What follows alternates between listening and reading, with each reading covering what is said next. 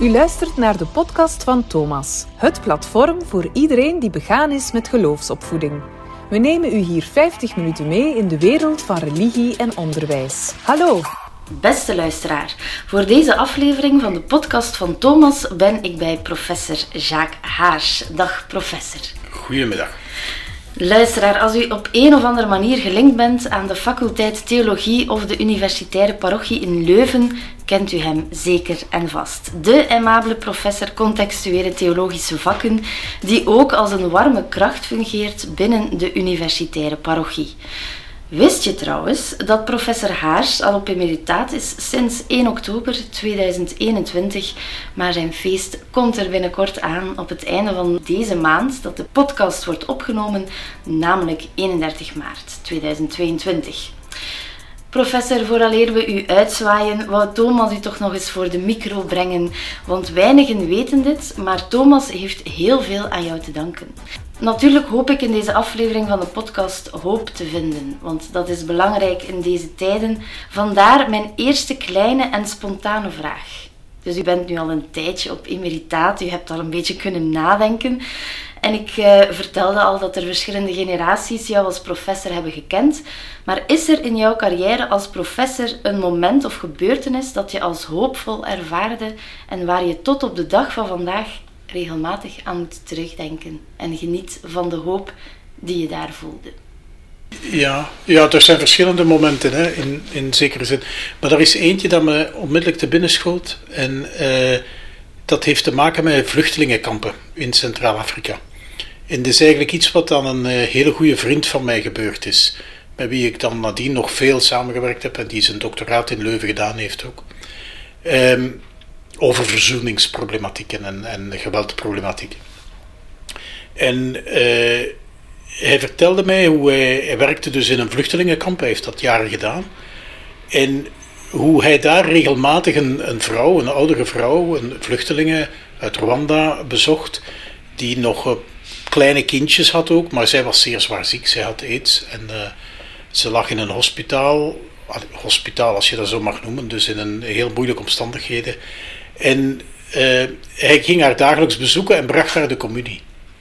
En uh, op een dag kon hij dat niet meer doen. Hij was niet meer in de kerk geraakt, dus hij had de, de, de communie niet kunnen meenemen. En hij, hij, kwam dus te laat bij haar en hij zei: Ja, ik heb geen, uh, ja, ik heb geen communie bij, het spijt me. en um, op dat moment zei die vrouw: Chakula, dat wil zeggen voedsel de communie was voor haar een van de weinige ja, vormen van voedsel die ze kreeg per dag. Mhm. Dus uh, het bleek dan achteraf dat, dat heel wat van die voedselvoorraden die bestemd waren voor het hospitaal en dan ja, ook bestemd waren voor de hopeloze zieken, uh, dat, die, ja, dat die afgeleid werden. Dus dat die niet bij de patiënten terechtkwamen. En dus de communie, de hostie, de dagelijkse hostie, was voor haar voedsel. En ja, dat is een heel pakkend en schrijnend gebeuren natuurlijk. dat, is, dat is echt. Maar dat heeft zoveel in gang gezet. Dus die, dat verhaal werd mij dan verteld. Ik zat hier in Europa, dus mijn vriend zat, zat in, uh, in die vluchtelingenkampen. En dan zijn we beginnen werken bijvoorbeeld met de Europese Unie. Om na te gaan, allee, hoe zit dat in dat kamp? Hoe, waar, waar gaan die voorraden naartoe? Wordt dat hospitaal wel allee, bekostigd ook. En, en, en dat heeft een hele beweging in gang gestoken. Ja. Die, ik ken de naam van die vrouw nog, Modesta. Ik heb ze nooit ontmoet. Uh, maar, maar wat zij teweeggebracht heeft, is inderdaad mensen in beweging gezet om een situatie daar te veranderen. Ze zal ondertussen wel gestorven zijn. Ja, die had aids. Dat was op dat moment ja, ongeneeslijk en zeker in die, in die omstandigheden. Maar dat vind ik een moment van hoop. Waar je merkt dat in het midden van, ja, van de meest hopeloze situatie, want dat is het toch wel, iemand plotseling op eigenaardige manieren kracht krijgt om iets in beweging te zetten. Ja. En het wonderbare is dat het dan nog gebeurde rond de communie. Hè? Dus het, is alsof, als het ware alsof God ons zo'n tekentje gaf van: hé, hey, dit, dit, hierover gaat het. Hè? dat je zorgt voor de mensen, ook materieel zorgt voor de mensen. Dit heeft met communie te maken. Communie is niet zoiets bijzonders dat erbij komt. Nee, nee, dit is echt het centrale van de levenswaardigheid van mensen. En dat is een, ja, dat is een ervaring die voor mij een hele hoopvolle ervaring blijft. En dus het luisteren naar de, de stem van God in mensen in hopeloze situaties, het proberen te onderscheiden hoe God ons daar aanspreekt, dat, dat is voor mij altijd weer een heel hoopvol gebeuren geweest. En dus allee, dat is een ervaring van, van hoop die, ja, met, met alles, alle, alle zorg voor die, die mensen. Hè. Dus die, die situatie was verschrikkelijk eigenlijk. Hè. Dus, uh, en toch gebeurt er iets van hoop. En, en iets dat niet alleen hoop betekende voor die vrouw, maar die vrouw heeft echt zaken doen veranderen. Ja, en dus, wist ze daarvan? Nee, Weet ze dat? Nee, nee. nee, Wow. nee. Dus eigenlijk als mens kunnen wij graantjes van hoop betekenen, als ik het zo Ja, hoor. ja. En een ander verhaal, dat, dat misschien ook wel de moeite waard is, vooral omdat eh, allee, de verzoeningsproblematiek en zo hebben mij enorm bezig gehouden. Hè. Dus we hebben, en en die, die, eh, die vriend, dat is een, dat medebroeder, die Jezuïet, die, die heeft daar eigenlijk zijn levenstaak van gemaakt. Dus die is bij Jesuit Refugee Service geweest en die werkt in verschillende verzoeningsprocessen in, in, ja, wereldwijd. In eh, Centraal-Afrika heeft hij dat gedaan, in Colombia, in ehm, Sri Lanka. Allee, hij is, is op veel plekken bezig. En een van de dingen die hem, en dat is ook iets wat, wat een verhaal dat hem weer gebeurd is, maar dat, dat mij dan ook weer zo hoopvol toelijkt, ehm, is een ontmoeting die hij had op een bus in Spanje met een Palestijnse vrouw. En eh, ja, dat gesprek ontwikkelde zich en eh, hij vroeg haar en hoe zit het? En hoe zie je het in, in, in Israël dan? Of in Palestina, hoe zie je dat? En, en zie je verzoening mogelijk met... en dat werd dus hopeloos. Hè? Dus die, die vrouw, eh, ja, je- moet mij niet vragen van, van met Israëli's over verzoening te praten. Ik bedoel, een heel deel mensen in mijn familie zijn, zijn gekwetst geweest, zijn eh, door, ja, die, die hebben nog altijd fysieke eh, gevolgen van de slagen die ze gekregen hebben of de kogels die erin waren. Een paar van de mensen zijn aangehouden geweest. Weer zo'n hele race afschuwelijke verhalen in het leven van, van mensen. En ja, dat gesprek werd dan stil, want je kan daar eigenlijk niks meer op zeggen. En dan ging die vrouw naar binnen in zichzelf en dan vertelde ze: eh, Maar ik ga wel één ding doen. De haat die ik voel, ik ga mijn uiterste best doen om dat niet over te dragen op mijn kinderen. En dat is ook weer een teken van hoop. er zit hier iemand die machteloos is en tegelijkertijd weet ik zit hopeloos vast in een situatie van haat en van woede. En toch ga ik zo dat hele minieme stapje ondernemen om die toekomstige generaties een kans te geven. En dat zijn verhalen van hoop. Allee, ze zijn niet direct aan mij gebeurd. Hè, dus die, zijn, die twee verhalen zijn verhalen van, eh, van die goede vriend. Eh, maar dat zijn verhalen, als ze mij verteld worden, ik, ik denk daar heel regelmatig aan. En ik, dat kan eigenaardig klinken, maar ik bid ook nog regelmatig voor die mensen. Hè? Dus dat, dat ik zeg, jullie hebben toch wel... Want eh, dat gesprek met die, met die vrouw op die bus, dat heeft dan aanleiding gegeven tot ontwikkeling van een concept waar we nu eh, serieus bezig mee zijn en waar vooral dus die Spaanse medebroeder mee bezig is. Eh, een concept van wat, wat hij preventive reconciliation noemt. Dus door opvoeding mensen eigenlijk zo maken dat ze in een situatie komt dat de verzoening mogelijk is. Dus niet het, het, de blokkages voor mogelijke verzoening wegnemen. Dus zorgen dat die haat niet wordt overgedragen, zodanig dat er ruimte ontstaat waarin die jonge mensen dan in de toekomst dat wel zullen kunnen doen.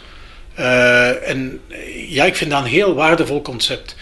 En, en volgens die, dat is Elias Lopez, volgens die Elias Lopez, is dat misschien wel het meest hoopvolle en ook meest dragende concept in het begrip verzoening. Hè? Ja. Dus dat, dat uh, verzoening gaat eigenlijk over, ja, het is dan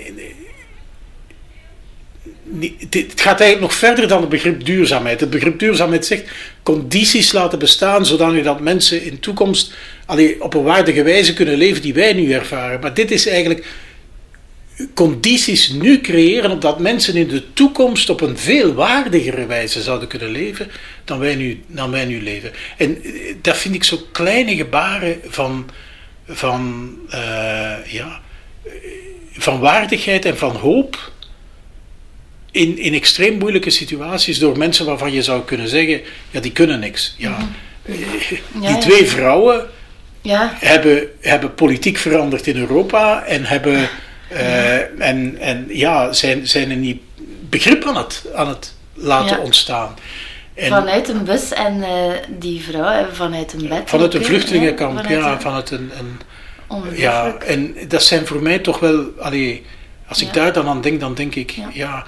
En dan neemt mijn angst niet weg voor de huidige situatie. Hè. Ik, ik ben op dat gebied eerder een angsthaas. Hè. Dus ik, uh, ik, ik voel me daar niet veilig in. Ik heb die, die oorlogssituaties, die haat, die, ja, dat is zo bedreigend en zo.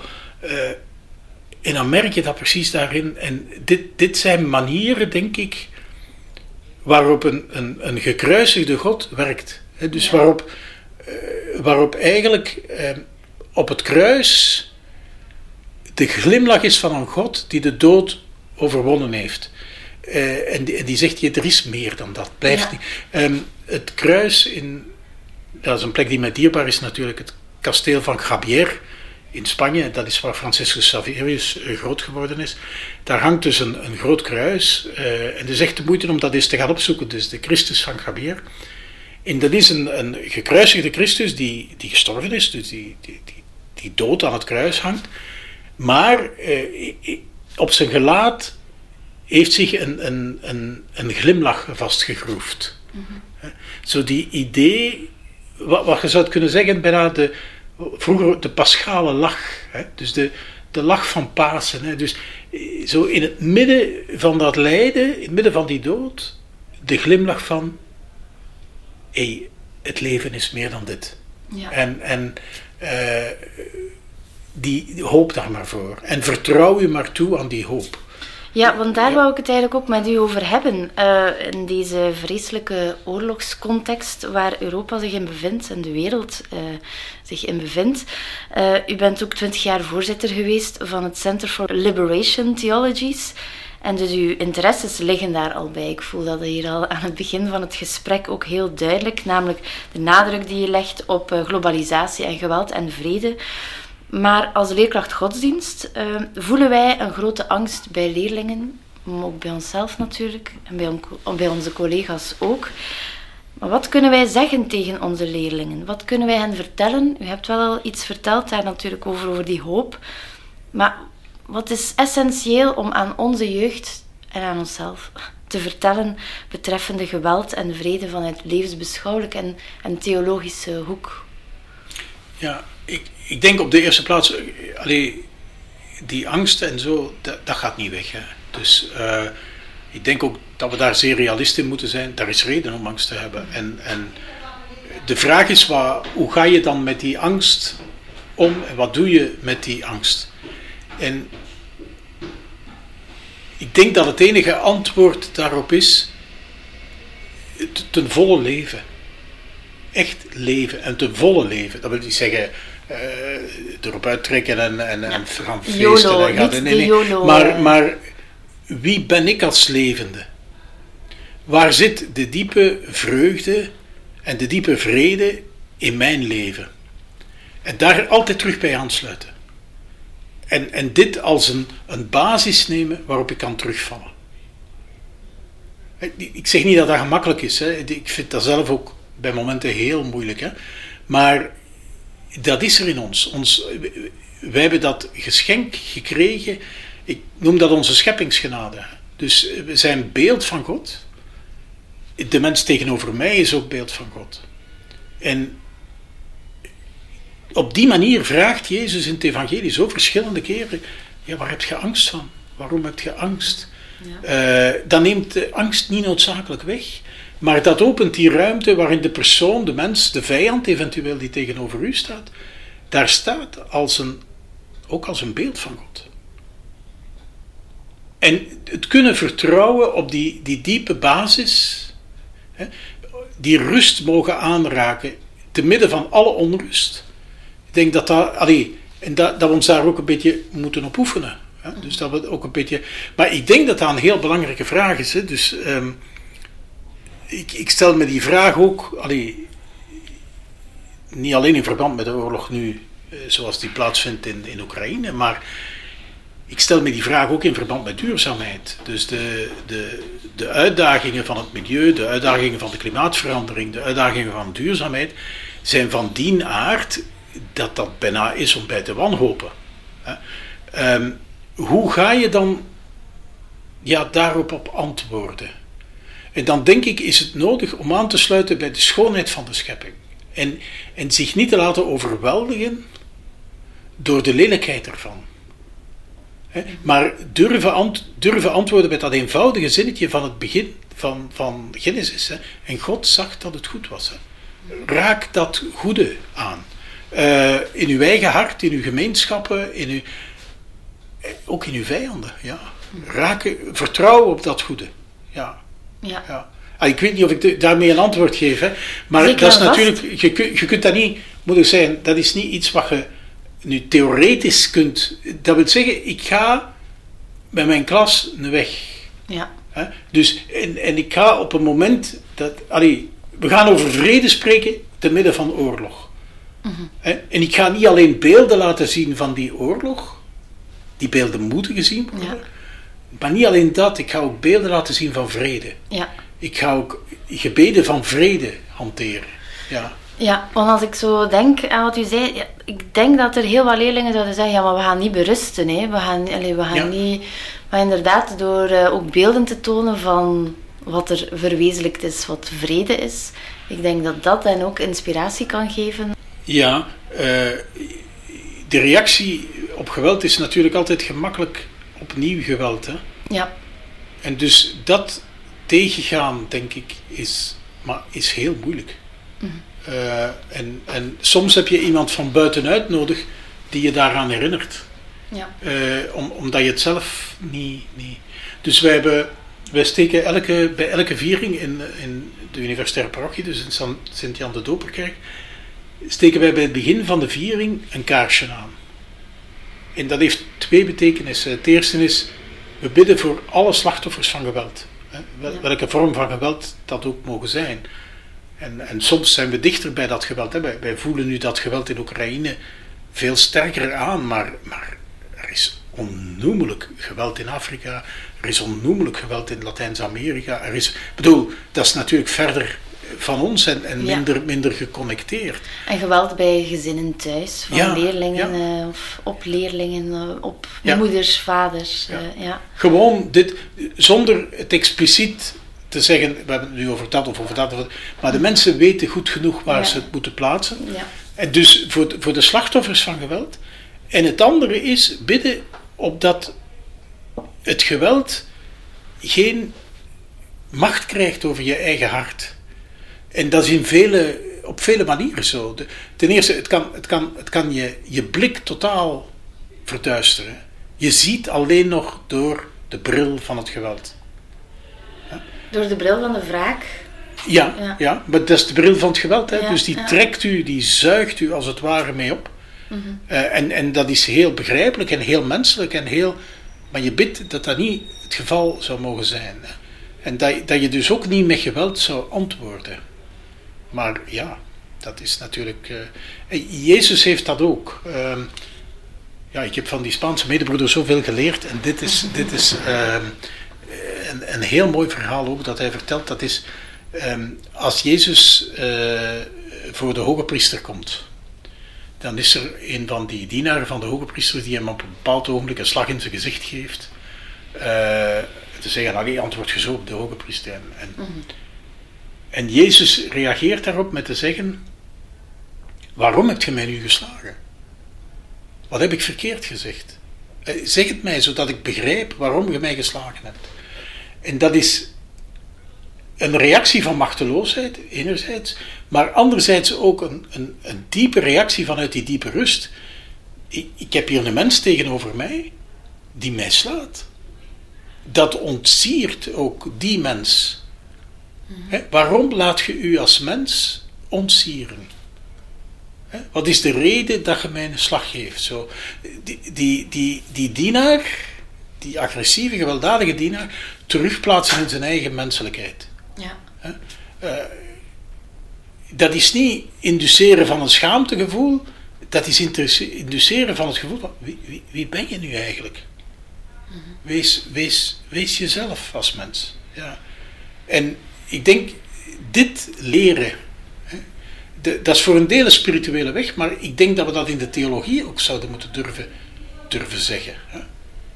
Uh, ja, dat, dat, dat, is, dat is de weg van Jezus. Ja.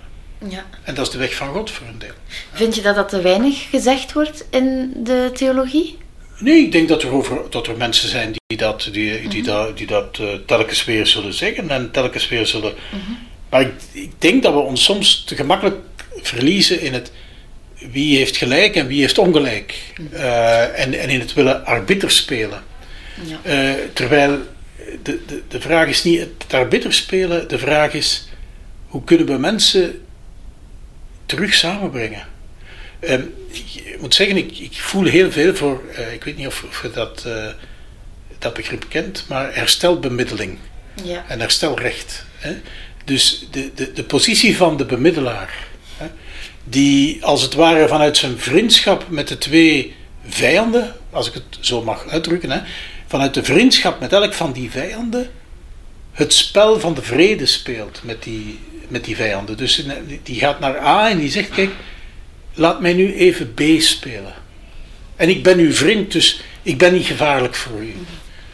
En dan begin, begint je dan beetje B te begrijpen en een beetje. En hetzelfde in de andere richting. Hè? Ja. Dus en dat, dat is iets wat mij enorm bezighoudt. Zo. Hoe kun je tussen in, in de vijandschap het gesprek zodanig op gang trekken dat de vraag wordt: hoe gaan we samen toekomst bouwen? En niet de vraag hoe, allee, hoe zijn we geblokkeerd door ons verleden, maar hoe gaan we samen toekomst bouwen? En natuurlijk, dat samen toekomst bouwen, dat betekent herstel en, en dat betekent zich de vraag stellen: wat, wat kunnen we nu doen om verder te gaan, zonder te vergeten dat dat kwaad gebeurd is en misschien verschrikkelijk kwaad gebeurd is. Hè? Maar hoe kunnen we daarmee verder gaan? Dat is ook een heel belangrijke vraag, denk ik, in verband met, met misbruik, met, ja, met, met heel wat tragische dingen die gebeuren. Uh, in plaats van daar ja, brutaal op te reageren, daar eerder onderscheidend op te reageren. Wat, betekent het dat we geloven in een verzoenende God? Te midden van deze crisis. En, en de verzoenende God, dat is de vraag naar het Rijk en de belofte van het Rijk. Iets, een verhaal dat ik heel graag. Allee, dat is geen verhaal, maar dat is zo'n verbeelding. En, en, als we over verhalen denken, denken we altijd aan dingen die gebeurd zijn. Hè? Maar je kunt ook verhalen gebruiken die eigenlijk. Ja, imaginaire verhalen zijn om zich een, iets voor te stellen dat niet het geval is. Maar, ja. Dus onderstel dat je naar de hemel gaat. En ik geloof nogal dat er heel veel mensen naar de hemel gaat. Ik, op dat gebied vertrouw ik toch wel op Gods barmhartigheid. En dus een aantal mensen waar ik het eigenlijk helemaal niet mee stel, zullen dus ook in de hemel terechtkomen. Hè? Ja.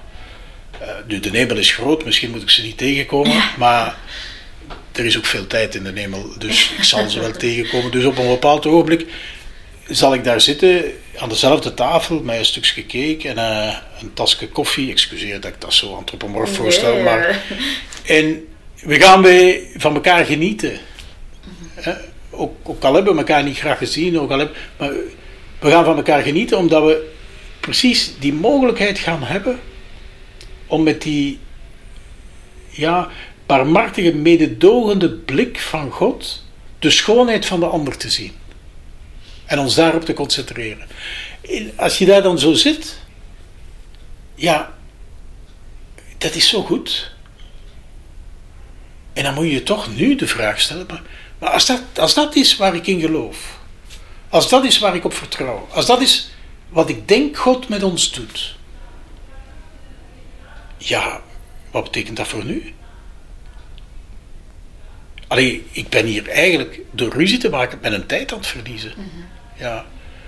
En kan ik dus dat toekomstbeeld niet laten inwerken op, op het heden? Ja. Ja. Kan ik dus de gedroomde verzoening niet laten inwerken? Niet- dat ik denk dat dat gemakkelijk is. Hè? Eh, alleen je zou je moeten inbeelden dat er tussen Palestijnen en Israëli dat er vrede heerst. Dat die genieten van mekaars aanwezigheid. Ja. Wat ga je dan, welke stappen ga je dan nu ondernemen? Ja. Dat is, dat is een beetje de vraag. En dat, dat vind ik een heel. Dat zijn hoopvolle vragen. Maar die hoopvolle vragen zijn natuurlijk gebaseerd in de, de overgave. En dat is een woord dat eh Dietrich Bonhoeffer ook gebruikt. Hè? Er, ergeben, hè? Dus eh, ja, overgegeven. Ik, ik vertrouw me toe aan, aan dit beeld. Om dan iets, iets mogelijk te maken. Ja. Zou dat eventueel hoe leerkrachten godsdienst van betekenis zouden kunnen zijn voor leerlingen en voor een school? Ja, dat De wel, manier- ja. ja.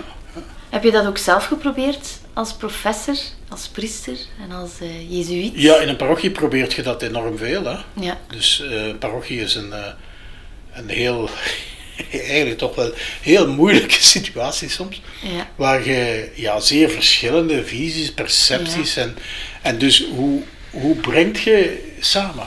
Ja. Hoe brengt je samen?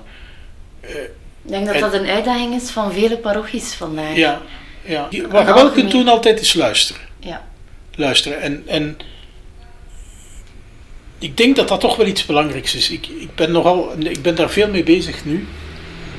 Dus ik, ik mag nog lesgeven en ik geef dus nog een les, een cursus eh, Creation, Ecclesiology and Salvation, History of Salvation. Eh, dat is een, een eh, hele leuke Ja. megacursus eigenlijk. En wat ik eigenlijk probeer, is om als theologische methode iets te gebruiken wat ik uit mijn Jezuïte traditie, mijn Ignatiaanse traditie heb, namelijk gemeenschappelijke apostolische onderscheiding. Dus niet, niet zo van, ja, de, de, de- in de theologie zich de vraag durven stellen, wat is een troostvolle manier van denken en wat is een troosteloze manier van denken? Wat brengt hoop en wat brengt wanhoop? Wat brengt geloof? Wat brengt ongeloof? Wat doet liefde ontstaan? Wat doet geen liefde ontstaan? Dus dat, dat als criterium nemen voor de theologie. Niet, niet direct correct of niet correct, moreel aanvaardbaar of moreel niet aanvaardbaar. Dat zijn belangrijke vragen, maar die eigenlijk pas vanuit die, troostvolheid eh, een, een antwoord krijgen. Eh, En troostvol betekent dieper geënt op God. Zich daarvan bewust worden. En dat betekent enorm luisteren.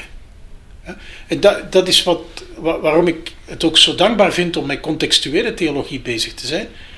Omdat de contexten zo verschillend zijn. Ik zit nu les te geven, ik probeer dan de context aan te geven waaruit de theologische ontwikkelingen zich voltrokken hebben.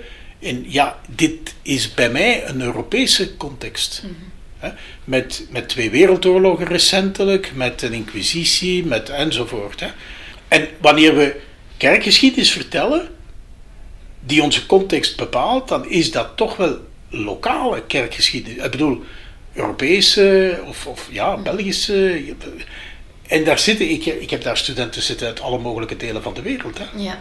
Dus die hebben een heel andere context. En hoe kunnen we naar elkaar luisteren, zodanig dat we ja, hoop vinden in de andere context voor onze context. Ik moest er gisteren nog aan denken, daar is daar een, eh, in de Stille Oceaan zijn er zeer veel eilanden. Hè. Dat zijn volkeren die een heel andere perceptie hebben van inbedding in de wereld dan wij hier hebben. Ja, ik zit kijk op het land en de zee, ja, dan moet ik kilometers van. Nee, die, die hebben alleen de zee rond zich. Denk, denk aan, aan, aan die film Vaiana, hè? Ja, ja, Ja, ja dat is, maar dat is een hele mooie film eigenlijk, omdat die... Eh, en, en, dus daar is een klein beetje geschreven over theologie vanuit die immense wijte van de Stille Oceaan. En wat, het, wat, wat dat eigenlijk betekent van, ja, ja, op de zee te leven. En dat is een heel ander. En als je daar dan begint naar te luisteren, ook als je naar die natuur begint te luisteren, want dat, dat speelt ook een rol. En dan hoor je, als het ware, God spreken op een heel andere manier. En misschien is dat ook iets dat interessant kan zijn voor ons. En, en dus die, die contexten, ik, heb daar eigenlijk geen schrik van. Ik, ik ben daar eigenlijk zeer dankbaar om dat die er zijn. Want die geven mij mogelijkheid om mijn, mijn, mijn eigen geloof, mijn eigen godsvertrouwen dieper te ontdekken. En ja, dit is telkens zo in de theologie. Hè? Dus, en, en soms moet je wakker worden. Hè? Soms moet je echt wakker geschud worden. Hè? De, Sobrino heeft het over wakker worden van een, van een nachtmerrie in Latijns-Amerika. Om te beseffen dat die, in die context van die barrios in Latijns-Amerika, dat, dat God misschien op een andere manier aan het spreken was dan dat in de beschermde ruimtes van, van West-Europese aulas aan universiteiten was. Mhm. Dus, uh, en, en, of, of je hebt dat ook met de feministische theologie. Je krijgt plotseling een heel ander.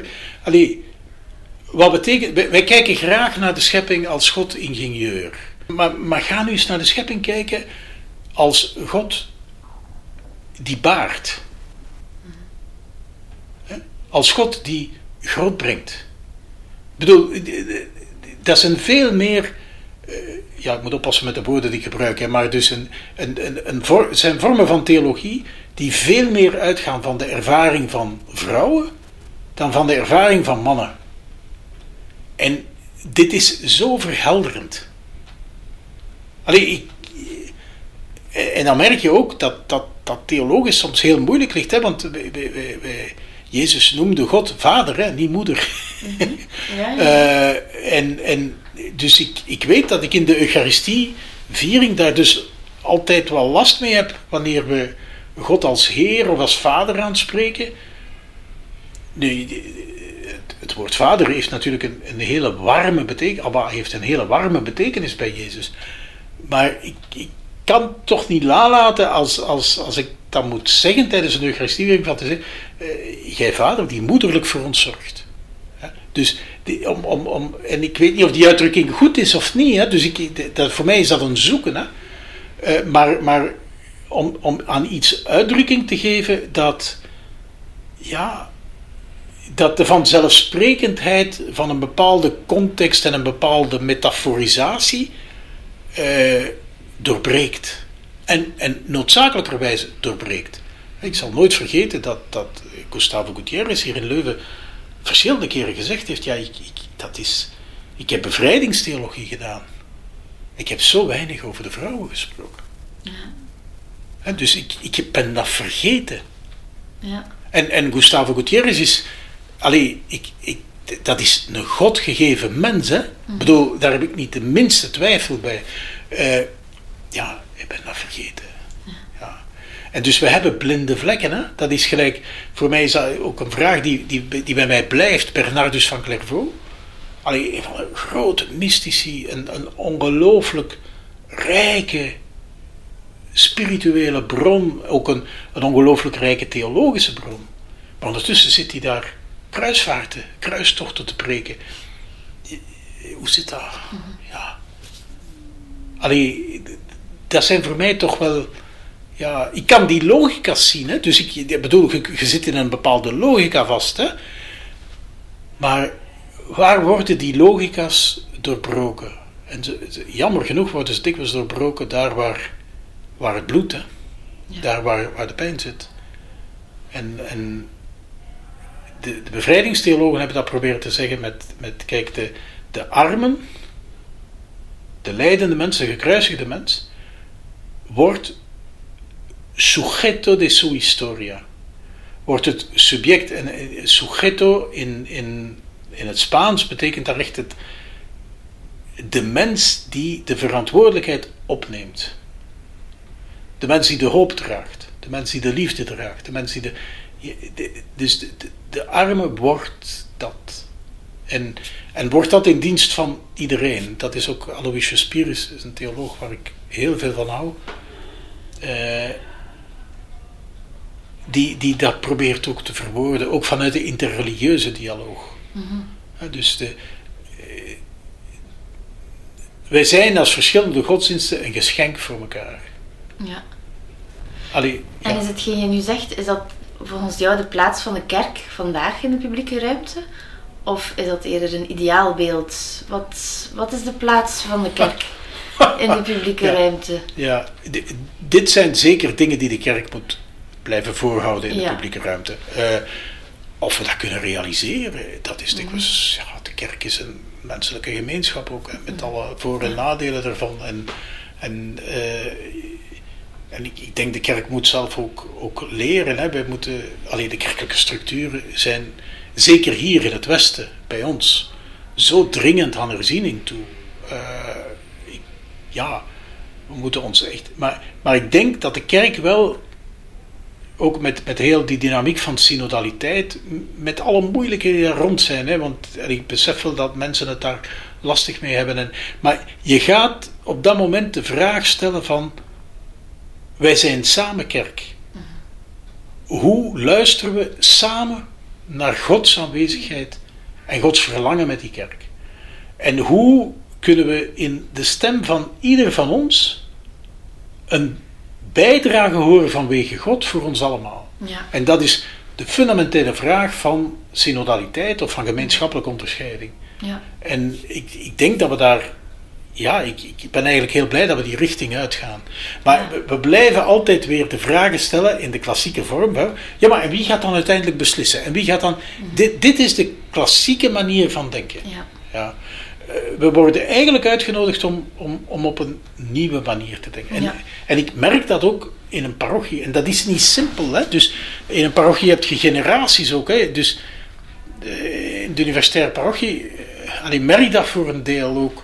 Eh, De universitaire parochie is ook groot geworden door mensen die over hun geloof zijn beginnen nadenken, daaraan werken, daarmee.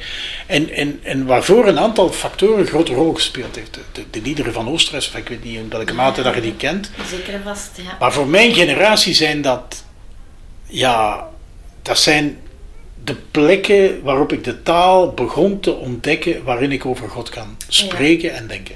Ja. Dat klopt, Maar dat klopt niet meer voor de huidige jonge Nee. generatie. inderdaad. Eh, en, en dus dat, provo- dat produceert pijn bij oudere mensen zoals ik. Omdat je plotseling merkt, ja maar allee, dat is zo mooi, dat is zo... En ik, ik kan het u niet doorgeven. Ja.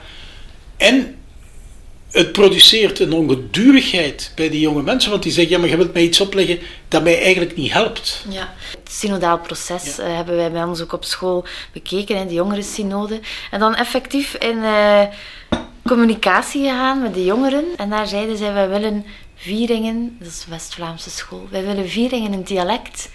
Eh, en voor de oudere generatie godsdienstleerkrachten die mee aan tafel zaten, dat, nee, dat, dat vonden zij niet, niet horen. Dus je voelde al tussen die jonge piepjes van 16 eigenlijk en die godsdienstleraren die bijna eh, pensioengerechtigd waren, dat dat al ja, dat daar een verschillende visie was. En ik zag inderdaad ook wel een beetje de pijn van ehm, de, de collega die daar eh, voor mij zat. Omdat dat oneerbiedig Ja. voor hen Ja. Maar voor hen is dat juist het Ja. dichtst bij, eh, bij hun En, hart. en, en dus eigenlijk zit het verschil op de diepte van de grote gelijkenis. Dus die- twee mensen of groepen van mensen die echt serieus op zoek zijn naar hun godsverhouding, die dat heel ernstig menen. En precies daar ervaren ze grote verschillen. Dus hoe, hoe, hoe zit dan die lotsverbondenheid? En hoe kunt je, en dat is, dat is een vraag voor mij als pastoor, en ik moet zeggen, allee, ik doe dat met vallen en opstaan, hè, dus ik, ik weet ook niet hoe ik dat altijd moet aanpassen, want ik krijg dan altijd verwijt van de ene te steunen en de andere niet, en, en, terwijl dat helemaal niet de bedoeling is, maar hoe kan ik ja, een vorm van creatieve eenheid bewaren in al die verschillen? En hoe kunnen we mensen ertoe brengen van te zeggen: maar ik luister naar jou en als ik naar jou luister en naar Gods diepte in jou, dan kan ik mee. En dat is waar, zowel voor de ouderen als voor de jongeren. Ehm, en het gaat dan niet over de ene moet het winnen over de ander, maar eh, voor de liturgie zeg ik dan, of probeer ik te zeggen, kunnen we elkaar liturgie gunnen? En dat is een prachtig woord in het Nederlands, hè, gunnen. Gehoorzaamheid heeft met gunnen te maken. Hè. Dus de, de, de mensen de mogelijkheid bieden om te volle open te bloeien. En daarin precies ook zelf ten volle openbloeien. Um, maar dat is gemakkelijker gezegd dan gedaan. Ja. Maar dat is wel waar het over gaat. En ik, ik, weet niet of ik daar altijd. Allee, in de parochie merk ik dat, dat, dat, dat die, die, Ja, ik, ik weet. Maar ik zie mijn rol altijd als. Eh, ik vind dat een mooi woord, ik trek het een beetje uit context. Uh, defensor vinculi. Ik heb ooit een artikel met die titel geschreven. Uh, dus de verdediger van de band de verdediger van het samenhangen. En ik heb het nu niet over het verdedigen van, van uh, huwelijksbanden of zoiets.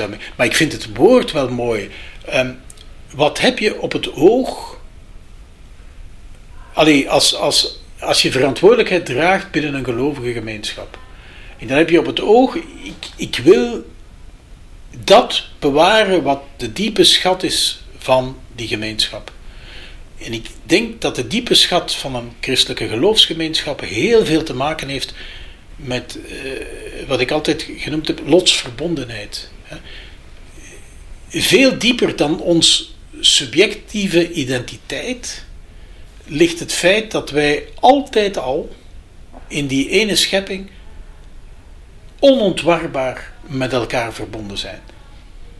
En, en dat is ons diepste geheim. Dus raak mij aan, je raakt de hele schepping aan. Het is zoals een net, hè? je trekt aan het net en je pjupt, het hele net komt mee naar boven.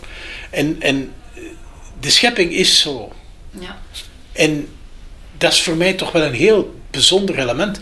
En dit kan maar, dit, dit beleef je maar, en dat is wat, wat, wat God onszelf zegt wanneer Hij deel gaat uitmaken van, van, van die schepping dit, dit doe je, als je het echt wil doen, ja, kijk dan maar naar Jezus. Want daar, daar heb je een goed voorbeeld van hoe dat kan. Dat is ook een beetje, denk ik, wat Thomas dan niet in een parochiale context. Het kan natuurlijk daar wel gebruikt worden, maar vooral in een onderwijscontext, wat Thomas uh, wil bereiken. En als Thomas een aantal personen moet aanduiden die heel belangrijk geweest zijn in het ontstaan van het godsdienstonderwijsplatform, dan komt jouw naam op tafel te liggen. Kan je inschatten waarom dat is? De geschiedenis, de geschiedenis van Thomas is een hele. Ach, dat is een heel avontuur eigenlijk. Uh, en, en de grote. Allee, eh, de, de, grote doorzettende kracht en, en, de energie daarachter is die van Didier. Ja. Dus uh, dat, dat, dat leidt niet de minste twijfel. Maar dat is eigenlijk begonnen vanuit RZL. Ja. Ja. Uh, allee, als ik me dat goed herinner tenminste. Hè. Dus we, we hebben voor RZL een platform gecreëerd. Toledo bestond toen nog niet, dus we hebben, we hebben helemaal zelf een platform opgezet. We hebben daar wat geld voor gekregen via een project dat Didier en ik toen ingediend hebben bij de onderwijsraad. Uh, Didier zal corrigeren als ik verkeerd ben. Uh, en, en ja, dus we hebben toen een platform uitgebouwd, waarvan ik nog altijd denk dat het beter was dan Toledo. Maar goed, ik, uh, ik doe daar geen verdere uitspraken over. En dan werden we ons in één keer gewaar van die capaciteiten daarvan. Ook, ook binnen de universiteit. Hè. We waren een van de belangrijkste gebruikers van de centrale computer van de universiteit. Omwille van dat platform.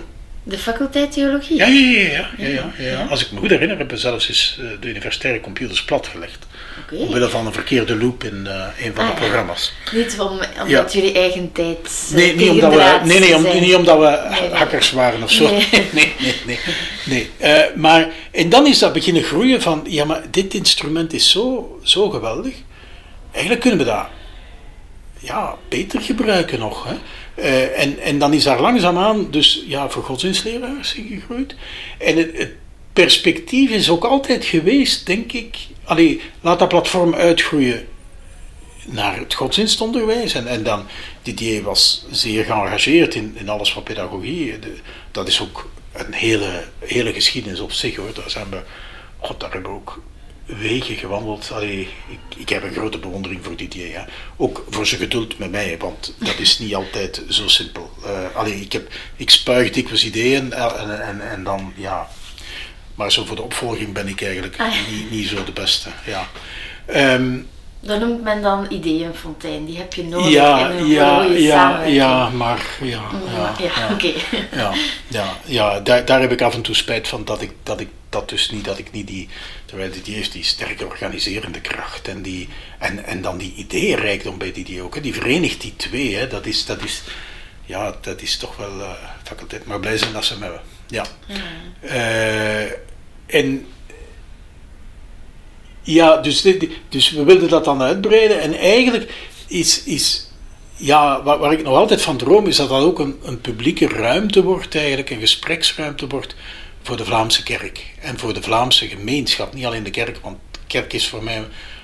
Allee, ik vind dat de bijen en de stenen en de planten en zo, dat behoort tot de kerk. Mhm. Dus ik vind dan een bisschop ook bisschop is van de bijtjes in zijn uh, bisdom. Hè. Ja. Uh, daar kun je in Spaans prachtig mee spelen met die taal, taalgevoel. Ja. Want obispo, en dan heb je abispas. De bijtjes zijn abispas. Maar dan heb je bijna obispas. En dus vrouwelijke, ja, enfin, je kunt met die woorden, ik heb daar stommiteiten mee gezegd in Spanje, enfin, je wilt stommiteiten gezegd, uh, om mensen wat te provoceren, dus oh, ja. met, is, met woordspeling. Maar de bedoeling was, ja, kunnen we dat ook opentrekken op een brede... En voor een deel is dat wel zo, want ik merk dat uh, ook journalisten en, en, en, mensen die informatie zoeken gemakkelijk op Thomas terecht kunnen. Hè. Dus die, die, uh, ja, die website biedt zoveel, zoveel. En is ook zo interactief. Ja. Hè. Dus dat is echt een... Uh, maar dat is uitgegroeid tot iets, want in het begin was dat... Allee, ik, ik weet nog dat op een bepaald ogenblik... Ja, ja, nu hebben we echt, ik weet zelfs niet meer of het euro's waren of nog Belgische franken. Eh, nu hebben we echt 50 eh, euro nodig. En, en als we die niet hebben, dan liggen we morgen plat. Waar gaan we die vinden? ja. En, en ik had een conferentie gegeven. En ik zeg, ja, ze hebben mij daar een omslag in de hand gestoken. Uh, ik zal zien wat erin zit. En daar zat dus 50 euro. Ja. Dus, Dankjewel. nee, nee, maar, maar, maar dus, allee, dan voel je ook, ja, dit is iets wat. dit zat op de goede richting. En, en dan voelt je je ook, ja, dit, dit, dit zit in een beweging die verder moet. Ja. En, en, en ondertussen is dat uitgegroeid tot iets. Uh, iets, iets enorms eigenlijk. Hè. Dat is een, uh, ja, en, en dat heeft dan ramificaties gevonden in allerlei onderzoek rond, rond uh, ja, wat, wat, wat is dan kerkelijk zijn, wat is dan gelovig zijn, wat betekent dat, wat is een, wat is een school die zich in zo'n project inschakelt. Uh, allee, al die onderzoeken en dan, dan ja, die uitbreiding van die onderzoeken op een internationaal domein. Allee, ik, ik, moet eerlijk zeggen, eh, ja, daar heb je echt een Didier voor nodig. Om daar, ja. met, met ook die visie van Didier over, over die, die persoonsontwikkeling. Hè. Dus de, uh, daar heeft hij ook echt, denk ik, alleen voor de universiteit. Uh, als, als vice-rector toen, hè, dus maar echt heel veel betekenis gehad. Hè. Ja, maar ik heb ook gehoord dat het u Thomas een andere naam had. Ah ja, maar, ja, ja, ja, maar dat, dat, ja, ja.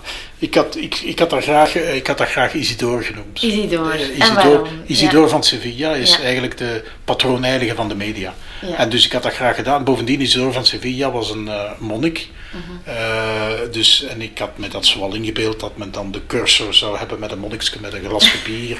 en als men dan zou moeten wachten, dan, dan zou hij daar gelijk, gelijk fonds kunnen. Dus dat zou dan de link zijn met de universiteit. En, en ja. ja. Dus, maar ja, goed, ik denk dat het dat het wijzer geweest is van uh, Thomas dan te nemen dan uh, ja. Isidore. Uh, bovendien Isidore, ja, Isidore in Vlaanderen, dat heeft zo'n heel andere, een heel andere klank dan Thomas. Thomas heeft een zekere, ja, geeft iets meer een klank van, van kwaliteit aan, terwijl er humor zit achter. Maar ja, die humor, ik denk dat dat toch wel belangrijk is. Ik denk dat geloof dat geen humorvolle uitdrukkingen heeft, daar is iets verkeerd mee. Mm. En dat, heeft, uh, dat is daar in de naam van de roos, dat boek van Humberto Eco, hè, dat, dat, dat heeft Humberto Eco goed begrepen. Dus eh, zonder humor geen geloof. Ja. ja.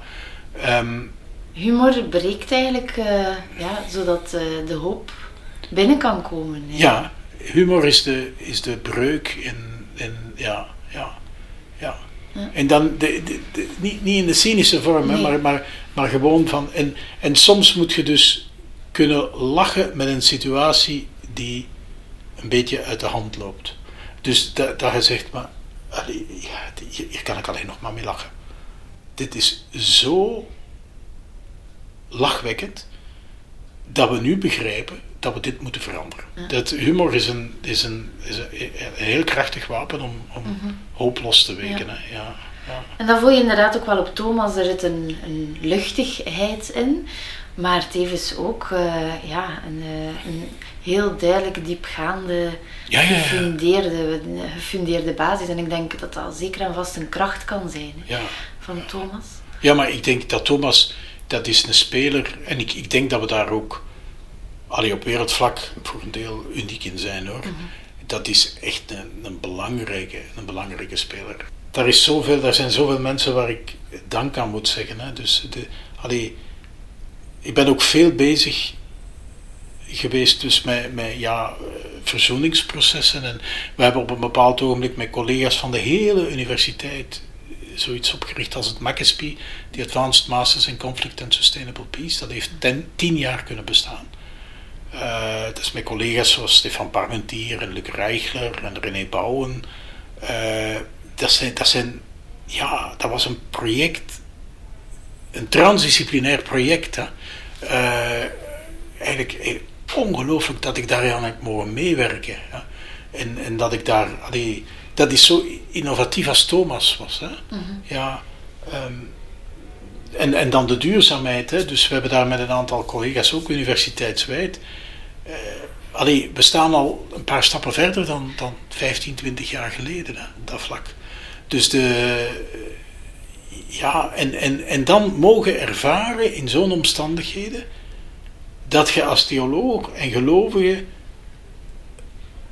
de rol mocht spelen om, om, om mensen samen te houden en samen te brengen. En dat is een ongelooflijke. En dat is, dat is die defensor vinculi. Hè? Ja. Dus de, de, eh, in het Engels zouden ze zeggen convener. Hè? Dus eh, je brengt de tafel samen van de mensen die gaan onderscheiden.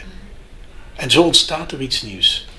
En, en je doet het zelf niet. Hè? Dus het enige wat dat je doet voor een groot deel is zorgen dat er koffie is. Hè? Eh, allee, dat is, dat, dat, zo, dat is ook iets heel moeilijks om, om uit te leggen soms eh, aan, aan mensen die in, die in de pastoraal staan. Eh, je moet dikwijls niet veel doen. Alleen zorgen dat er de ruimte ontstaat waarbinnen God kan werken door mensen. En, en dat wil zeggen, dat, dat vraagt een grote bescheidenheid. En, en ik denk dat theologen die bescheidenheid eigenlijk aan de dag moeten leggen. En ook daardoor ook binnen een universiteit een heel kritische rol in- innemen. Hè. Dus de, de wijze waarop onze universitaire excellentie wordt gedefinieerd eh, vanuit ja, allerlei criteria waar je van zegt, ja maar zijn dit, zijn dit wel werkelijk de criteria waarop een universiteit zou mogen rusten en moeten rusten? En dit zijn vragen die theologen mogen stellen. En dus de, de, de faculteit theologie, maar ook UP, heeft, heeft dat, dat, dat toch wel, ja, heeft dat een beetje in zich zo. Ja. En studenten zijn daar ook dankbaar voor. En dat vind ik mooi. Bij- Met RZL zien we dat altijd weer opnieuw. Dat is een van de grote uitdagingen van de universiteit. Het is ongelooflijk dat de universiteit daar zo'n ruimte voor vrijmaakte. Maar studenten zijn dankbaar dat ze een vak krijgen dat in die richting gaat. En ja, ik heb dat met generaties zien variëren, want, want de geloofssituatie in Vlaanderen is ook, ja, varieert over de jaren ook. En, en wat die jongeren meegekregen hebben en zoeken, en dat varieert. Ehm, maar dat, ik, ik merk dikwijls toch wel bij een aantal van die jonge mensen een grote dankbaarheid dat hen zoiets ook aangeboden wordt. En dus allee, ook, ook weer reden om dankbaar te zijn aan de universiteit. En aan, Ja. Dus daar, daar is zoveel om, om, om eigenlijk te zeggen. Ja. Ja, dank u. Ja. Ja. Ja. U bedankt. Anders zaten wij hier zelfs niet ook Nee. zonder u. Nee, ja, En nu ja. uw emeritaat eh, volop bezig is, hoe ziet uw agenda eruit? Wat zijn voor komend jaar? Ik heb- weet het, ja, plannen maar- is moeilijk in deze tijd, maar Ja, ik ben dus emeritus met opdracht. Hè. Wat Ja. betekent dat ik nog een aantal dingen blijf doen. Ehm, ik blijf voor een stuk lesgeven. eh, en dus in die zin verbonden aan de faculteit en aan, aan, eh, aan, ja, aan de onderzoekseenheid, zelfs systematische theologie en religiewetenschap. Ehm, ik blijf ook pastoor, kanoniek pastoor. Hè. Dus ik ben niet meer hoofdpastor. En ik ben ook niet meer verantwoordelijk voor de dienst UP. Dus dat is Martijn Stegen nu. zijn er ook nog zaken, want u bent nog aan het werk. Maar wanneer is het tijd om te genieten? Maar ik neem meer tijd om, om, Ja. om allee, eh, ook, ook omdat ik heb het gewoon fysiek nodig. Hè. Ja. Dus eh, die hernia betekent toch wel, allee, ik moet echt proberen elke dag 10.000 stappen te zetten Ah, bijvoorbeeld. ja, Ja. En heb je nog dromen, reizen die je wilt doen? Of staat eigenlijk alles in functie van... Nee, nee, nee, nee, nee, nee. nee. uw- Daar, zijn, daar zijn heel wat, heel wat plannen, dus daarnaast. Hè. Dus eh, de het, het huis dat we hier hebben, dus het nieuwe huis dat we hebben aan, bijna aan het station in Maria Theresiastraat, Ja. Ehm, dat is eigenlijk ook bedoeld vanuit een project dat wij Intelsoc noemen. Dat wil zeggen dat rond eh, eh, intellectueel apostolaat en sociaal apostolaat, dus intellectuele inzet, en, dat die twee horen samen. Hoe brengt je die samen? Ook, ook met pastorale inzet. Ehm, en we doen dat rond detentie. Een heel interessant project. Waar eh, twee jonge collega's, waar ik enorm veel bewondering voor heb, eh, Pieter de Witte en eh, Geert-Jan Zuidwegt, heel sterk mee bezig zijn. Ik heb met hen ook altijd mogen samenwerken. Zij werken ook vanuit criminologie. Ehm, bijvoorbeeld rond een, cursus die in de een cursus over schuld, die gedoseerd werd in detentiecentra, dus in gevangenissen, samen met een aantal studenten en een aantal gedetineerden. Dat is echt, eh, dat, is, dat zou de moeite waard zijn om uw, uw, uw collega's en leraars en, en eh, de- om Ja. Thomas daar ook eens eh, een interview rond te laten doen. Hè. Dus de- Ja. die, die twee zijn echt de moeite waard. Dat is ook verbond met GRS bijvoorbeeld. En, en dan, dus dat is één, één.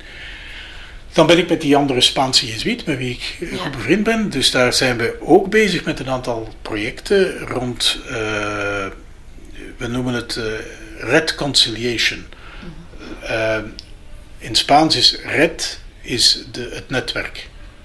En reconciliación is verzoening. En dus reconciliación, daar is een D tussen. Die, die, die. En dit heeft te maken met een netwerk van uh, Jezuïte-universiteiten. Uh, ik behoor niet tot Jezuïte-universiteiten, een beetje jammer genoeg. Tenzij je UXIA in Antwerpen zou beschouwen als, als ook een, mm-hmm. tenminste een Jezuïet-universitair centrum. Ja. Um, iets waar ik ook voor een heel stuk mee bezig geweest ben. Hè. Dus ik ben daar academisch directeur geweest nog. En, mm-hmm. um, maar dus de, in de Sociëteit van Jezus zijn er vier apostolische prioriteiten vastgelegd. Preferenties, uh, voorkeursopties waar we in de komende tien jaar echt aandacht aan moeten besteden. Um, Eén daarvan is gemeenschappelijke onderscheiding. Daar ben ik heel veel mee bezig.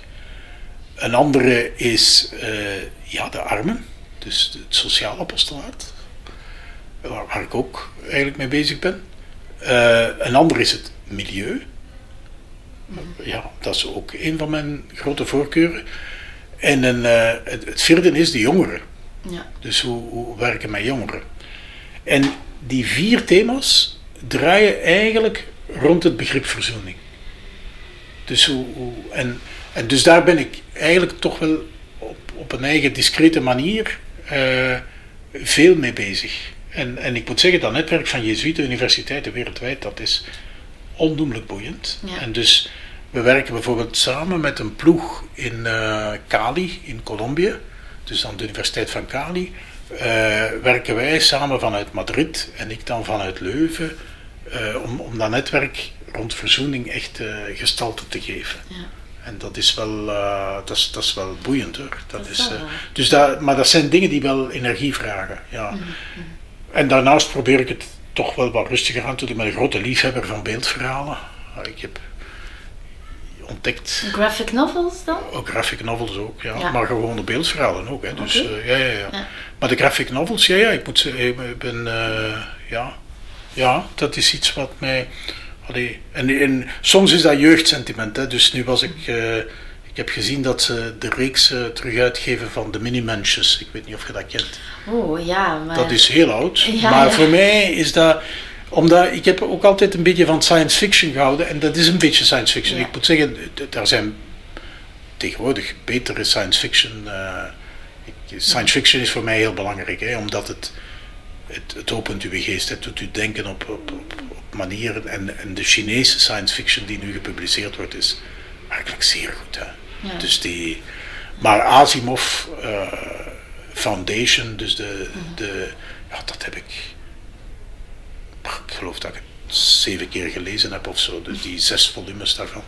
Eh, dat, voor mij science fiction is, ja, de capaciteit van het onverwachte denken eh, openen is, is voor mij wel, wel, ja, dat is wel cruciaal. Ja, ja. En, en dus daar, ja, ik ben daar dan mee bezig. Of, of geschiedenisboeken terug. Mijn eerste liefde is altijd geschiedenis geweest. En ik, ik denk dat ik ook me terug een beetje aan wiskunde wil begeven. Ja. Ja, en ik zou nog wat talen willen leren ook. Dus, eh, maar dat zal allemaal niet lukken hoor, dat gaat allemaal veel te veel zijn. Zo, professor, ons gesprek zit erop. Heel Naar de erg- lerarenkamer nu, hè, voor de koffie. Ja, voor de koffie. Ja, ja. Heel, heel erg bedankt voor Ja. het eh, gezellige gesprek. Ik wens u al het goede toe. En natuurlijk, u hebt nog superveel plannen. Eh, ik hoop dat ze ook allemaal succesvol dat is iets anders. eh, Ja, verwezenlijkt kunnen worden. Bedankt, professor. ja. dank u. Ja. Bedankt om te luisteren. Heb je zelf een interessant project of wil je dat de podcast van Thomas bij jou langskomt? Laat het ons weten via thomas.kuleuven.be.